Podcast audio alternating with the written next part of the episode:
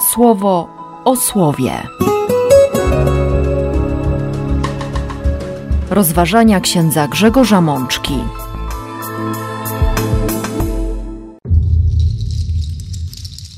Dwudziesta trzecia niedziela zwykła, rok B. Z księgi Izajasza. Dodawajcie sobie wzajemnie otuchy, wy małoduszni w swych myślach. Nabierzcie siły, nie lękajcie się. Z Psalmu 146. On swą troskliwość zachowuje na wieki. Z listu świętego Jakuba. Bracia moi, trzymajcie się wiary naszego Pana Jezusa, pomazańca chwały, nie patrząc na to, co tylko osłoną. Z Ewangelii według świętego Marka. Przyprowadzili do niego głuchego, który miał trudności także z mówieniem, i prosili go, aby położył na niego rękę.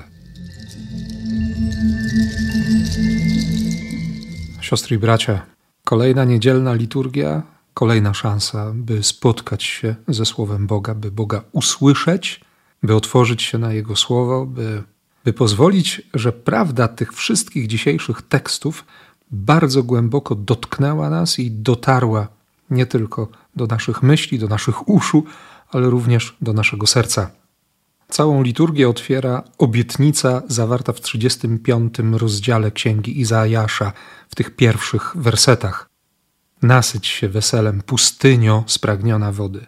Niech rozraduje się pustkowie, rozkwitnie jak lilia.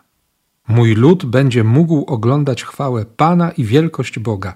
Nabierzcie siły, dodawajcie sobie wzajemnie otuchy, nie lękajcie się. Bóg postanowił odpłacić wyrokiem skazującym. Wydaje się, jakby prorok obserwował Boga, który, który nareszcie zdecydował się na przyjście swojemu ludowi z pomocą. Bóg postanowił, przybędzie, wybawi. Jakie są skutki tego postanowienia? Oczy niewidomych się mają otworzyć, uszy głuchych będą słyszeć, kulawy zacznie skakać jak jeleń, język jąkających się będzie płynnie mówił. Izajasz tak naprawdę opisuje ostateczne rozprawienie się Boga z każdym grzechem, z każdym złem. Bóg doskonale wie, że nie poradzimy sobie z naszymi grzechami, że trudno nam jest przyjąć konsekwencje naszych błędnych wyborów, tych złych, chybionych decyzji, które podjęliśmy w życiu, i On robi wszystko, aby nam pomóc na tej drodze. My wiemy, że wiara nie polega tylko na stwierdzeniu istnienia Boga. To również postawa zaufania, otwarcie, no właśnie, otwarcie siebie, otwarcie swojego życia na łaskę i jednocześnie doświadczamy tego rodzaju wiary, który można nazwać wiarą w stronę Boga. Wiara, która się nieustannie rozwija, która prowokuje do tego, by nie siedzieć na jednym miejscu, by odkrywając Boga, odkrywając Jego pragnienia, słuchając słowa, otwierając serce, ciągle wychodzić poza swoje granice. Poza granice, w których często czujemy się bardzo bezpiecznie. Wychodzić poza tę przysłowiową swoją strefę komfortu, by doświadczyć szansy zaufania, by uczyć się zaufania. Bo poza rzeczywistością, którą doskonale znamy, która jest dla nas bezpieczna, w której jakoś się już ustawiliśmy albo okopaliśmy się, jak żołnierz na wojnie, każde wyjście, każde zrobienie kolejnego kroku wiąże się z konkretnym niebezpieczeństwem, które może przyjść nie wiadomo skąd. Ale nie chodzi o to, by skupić się teraz na tym niebezpieczeństwie, ale by zaufać Bogu, który nas bezpiecznie przeprowadzi. Bezpiecznie przeprowadzi przez życie. Zobaczcie, jak często jest w nas obecny lęk. Znajdźcie taki moment, by przyjrzeć się sobie tym ostatnim dniom, może ostatnim miesiącom. Jak wiele jest w nas lęku, jak wiele jest w nas rozmaitych obaw. Tak naprawdę o wszystko. I teraz pytanie, czy te obawy my konfrontujemy z łaską Boga? Czy tkwimy w tych obawach? Czy lękając się, jednocześnie chcę Bogu ufać? Chcę mu powiedzieć: Tak, wierzę, że chcesz dla mnie dobra, że Twoim pragnieniem dla mnie, dla mojego życia, dla życia mojej rodziny, moich bliskich, dla życia tego kraju, tego świata, dla istnienia tego świata jest Twoje pragnienie miłości. Twoim pragnieniem jest miłość. Warto o tym pomyśleć, bo wtedy zupełnie inaczej wyglądają te nasze troski. Wtedy lęk naprawdę zmienia się w zatroskanie i nie prowadzi do rozpaczy, nie prowadzi do przerażenia, ale wypracowuje w nas ten gest wyciągniętych rąk, otwartych rąk. Pięknie mówi prorok Izajasz, nawołując swój lud do wzajemnego pocieszania się, do wzajemnego dodawania sobie otuchy. To nabieranie sił i oddalenie lęku dokonuje się przez wspólnotę.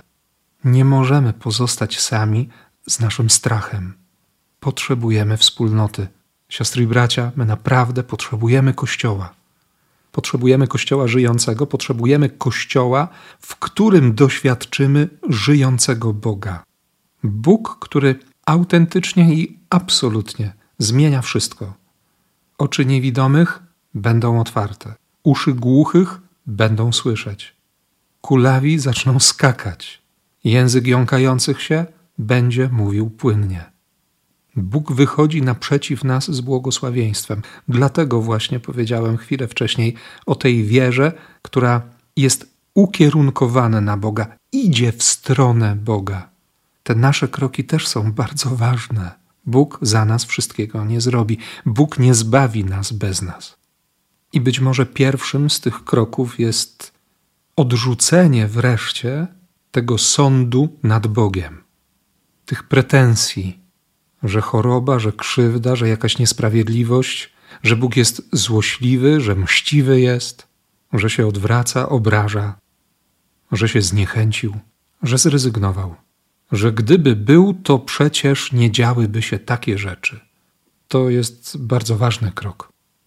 I na tej drodze chce nas upewnić Księga Psalmów, a konkretnie autor Psalmu 146, który w drugiej części swojego tekstu mówi: On swą troskliwość zachowuje na wieki.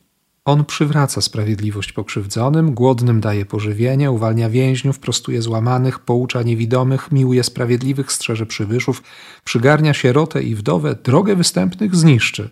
Będzie królował na wieki z pokolenia na pokolenie. I tam wszędzie pojawia się to słowo Pan, Adonai, Bóg, Elohim, Pan, Bóg zastępów. Pan, ten, który panuje, któremu nigdy nie minie troskliwość, w którym nie skończy się ta troska o człowieka, troska o świat, w którego sercu nie zabraknie miejsca na miłosierdzie, którego serce nie zamknie się na nas. Myśmy mu je jeszcze otwarli tak dosłownie, tak dobitnie, i On na to pozwolił. I ta rana serca będzie, będzie na wieczność, po to, żeby nam pokazać, że, że możemy wejść w Jego serce. Możemy go nawet nie tylko chwycić za serce, ale wejść do środka serca Boga. Możemy przyjąć każdą łaskę, bo każda łaska z tego serca chce się rozlać na nasze życie. On kocha bez granic. Autorzy tekstów z czasów pierwszego przymierza nie mieli jeszcze tego doświadczenia, nie wiedzieli, czym to się skończy, ale przeczuwali tę bezgraniczną miłość, przepowiadali ją, zapowiadali. I dlatego to późniejsze doświadczenie spełnienia wszystkich Bożych obietnic w osobie Jezusa Chrystusa, ta możliwość namacalnego dotknięcia miłości, żywej miłości, Słowa, które stało się ciałem i rozbiło wśród nas swój namiot, od samego początku motywowało ludzi Kościoła, ludzi wierzących, do tego, by, by dzielić się tym spotkaniem, by dzielić się tym doświadczeniem miłości z każdym napotkanym człowiekiem. Skoro miłość Boga nie ma granic, to Kościół nie może mieć granic. Ktokolwiek chciał słuchać o Chrystusie, mógł przyjść. Ktokolwiek chciał wejść na drogę wiary, mógł to zrobić.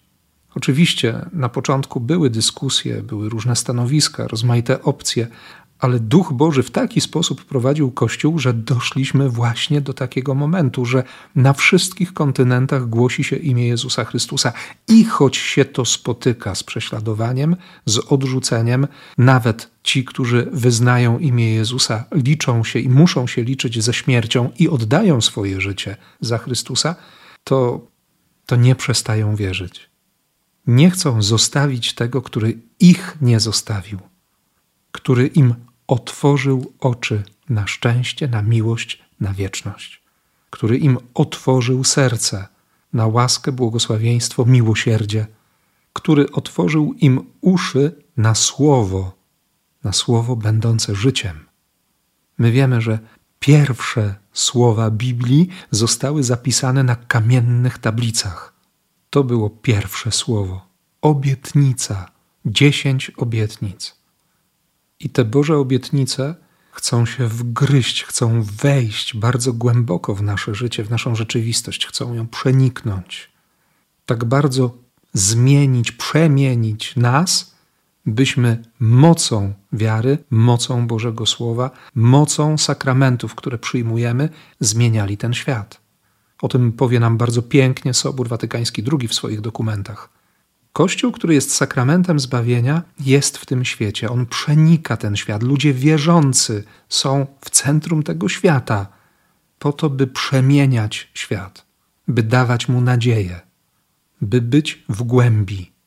I o tym nam właśnie pisze dziś apostoł Jakub na początku drugiego rozdziału swojego listu. Trzymajcie się wiary, nie patrząc na to, co jest tylko zasłoną. Tutaj w oryginale spotykamy słowo oznaczające jakąś maskę, fasadę, a nawet aktora z dramatów greckich. Apostoł bardzo wyraźnie zachęca: nie zatrzymujcie się na tych maskach. Sięgnijcie wzrokiem i sercem poza to, co widzicie tylko przed sobą, poza tę fasadę. Wejdźcie głębiej. Nie pozostawajcie na wierzchu, na zewnątrz, na tej pierwszej warstwie bo możecie się pomylić. Zresztą każdy z nas dobrze wie, że nie powinno się oceniać książki po jej okładce. A jednocześnie dobrze wiemy, że często postępujemy w taki sposób. Oceniamy, osądzamy, wydajemy opinie, jesteśmy bardzo powierzchowni. Nie stać nas na ten czas, by się zaangażować, by temat zgłębić, by odkrywać to, co jest prawdą, a nie złudzeniem prawdy. I być może właśnie dlatego Jezus, kiedy spotykał ludzi, szczególnie ludzi potrzebujących, ludzi chorych, ludzi zmagających się z rozmaitymi problemami, często wyprowadzał tych ludzi jakby na zewnątrz, na bok, z dala od tłumu, po to, by pobyć sam na sam, choć przez chwilę.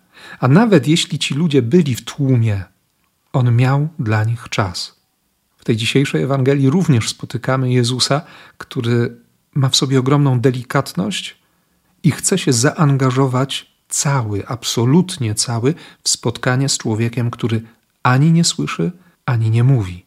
Jezus cały czas znajduje się na terenach utożsamianych z pogaństwem. Był w okolicach Tyru, dopiero co uwolnił od opętania dziecko pewnej kobiety z Kanaanu, Teraz idzie przez Sydon nad jezioro galilejskie, jest w głębi terytorium Dekapolu, na terenie tych dziesięciu miast. I ludzie przyprowadzają do Jezusa człowieka głuchego, który miał trudności także z mówieniem, i proszą o uzdrowienie, o to, żeby położył na niego ręce. Pierwsze, co robi Jezus, to zabiera go samego poza tłum spotkać się z Bogiem. Jezus daje nam czas, daje nam możliwość, byśmy wypowiedzieli przed Nim swoją troskę, swoje żale, swoje tęsknoty, swoje pragnienia, swoje rozczarowanie, swoje bunty, spotkać się z Nim sam na sam, mieć czas z Jezusem. Ten człowiek nie mógł nic mówić. Ten człowiek Jezusa nie słyszał, on tylko patrzył. Może przestał już patrzeć w niebo, bo bo nie miał żadnej nadziei. Ale dopiero wtedy, gdy byli sam na sam, można było dotknąć, dotknąć tej całej biedy. Zobaczcie, kochani, że często my uciekamy Uciekamy od bycia sam na sam z Bogiem, bo boimy się, że w chwili adoracji te wszystkie nasze myśli, to co nas jakoś ogarnia, co nas dotyka, co nas przeraża, co jest naszym kłopotem, że to nas dopadnie i, i się nie pozbieramy. A Jezus potrzebuje tego czasu, Jezus chce tego czasu dla nas. Chce być razem z nami w tym nazwaniu naszych problemów po imieniu dotknięciu tego wszystkiego. Choć czasami ten dotyk wydaje się być dziwny. Włożył swoje palce do jego uszu i zebrawszy ślinę, dotknął jego języka. Potem spojrzał w niebo, westchnął i rzekł: Efeta, to znaczy otwórz się. Słowo Boga dotknęło go, weszło w jego uszy. Słowo stało się namacalnie odczuwalne. Po co ta ślina? tak zwyczajnie pojawia się ślina, żebyśmy mogli przełknąć to, co suche, co twarde. Dzięki niej możemy smakować. W ślinie znajdują się też te pierwsze enzymy trawienne, które pozwalają na zasymilowanie pokarmu. Można by powiedzieć, że taką śliną dla nas jest właśnie modlitwa. Dzięki tej bliskości, bo przecież modlitwa jest spotkaniem, jest wejściem w intymność z Bogiem. Dzięki temu doświadczeniu możemy przełknąć, możemy strawić, możemy przyjąć całą naszą rzeczywistość. Dzięki modlitwie można rozpoznać smak, smak błogosławieństwa, smak bliskości Boga. Możemy posmakować łaski. Jeśli brakuje słuchania słowa i brakuje modlitwy, to, to wiemy dobrze, że jest kwestią czasu nasze zamknięcie, nasze stanie się głuchymi na rzeczywistość bo ból, bo cierpienie, bo ogólnie panujący pesymizm. Dlatego dziś Jezus mówi: otwórz się, otwórz się na słowo, otwórz się na miłość. Popatrz na moje otwarte serce i, i ucz się ode mnie. I nie bój się. Więc zróbmy to. Powiedzmy do siebie nawzajem to słowo, które wypowiada Jezus do głuchego i niemego. Feta, otwórz się, kochaj, żyj. Amen słowo o słowie.